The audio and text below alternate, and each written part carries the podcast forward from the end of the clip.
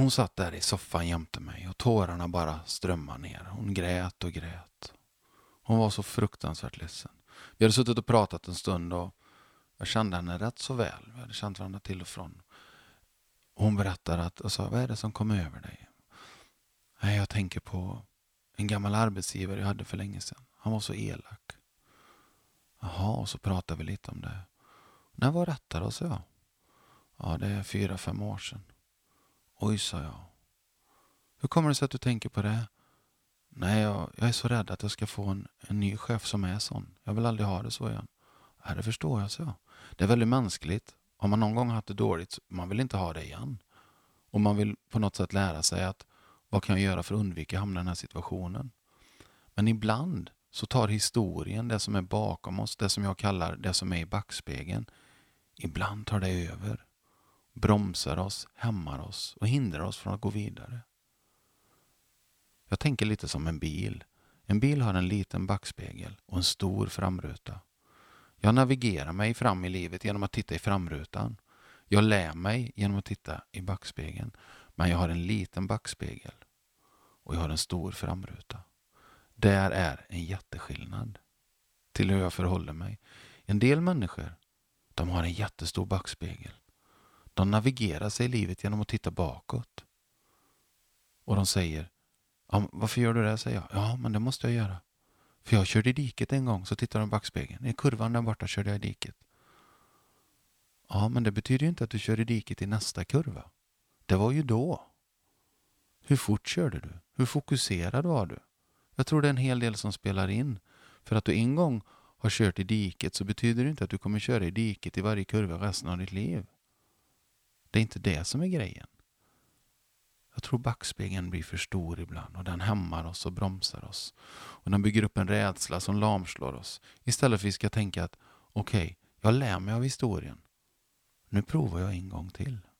Nästa kurva, ta det lite försiktigare. Lite mer fokuserad. Vad händer då?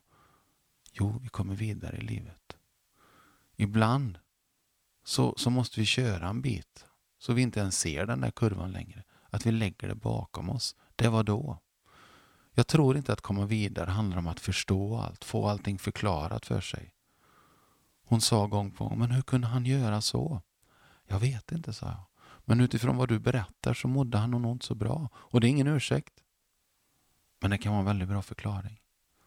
Han kanske till och med var, han var elak. Han kanske hade någon åkomma, en neurologisk åkomma som gjorde att han, han hade svårt för att känna empati och sympati. Jag vet inte. Han är värd lika mycket som alla andra människor. Alla har sin briljans. Men han var nog på ett ställe där han inte... Han levde inte nära sin briljans. Han skulle nog inte vara chef. Så som hans liv var då kanske. Jag har ingen aning, jag har aldrig träffat honom. Men vi kommer nog aldrig få den där stora förklaringen och allt blir klart och då går vi vidare.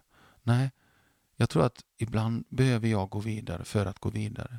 För att få distans, den här kurvan i backspegeln som jag kör i diket i. Jag vill känna att nu vill jag ha tre kurvor till som jag klarar så kan jag glömma den. Men den kurvan ska inte få bromsa mig. Och den där idén som vi hade förra året som inte blev bra, det betyder inte att den är dålig resten av våra liv. Det kan vara så att då funkar det inte. Hur är det nu?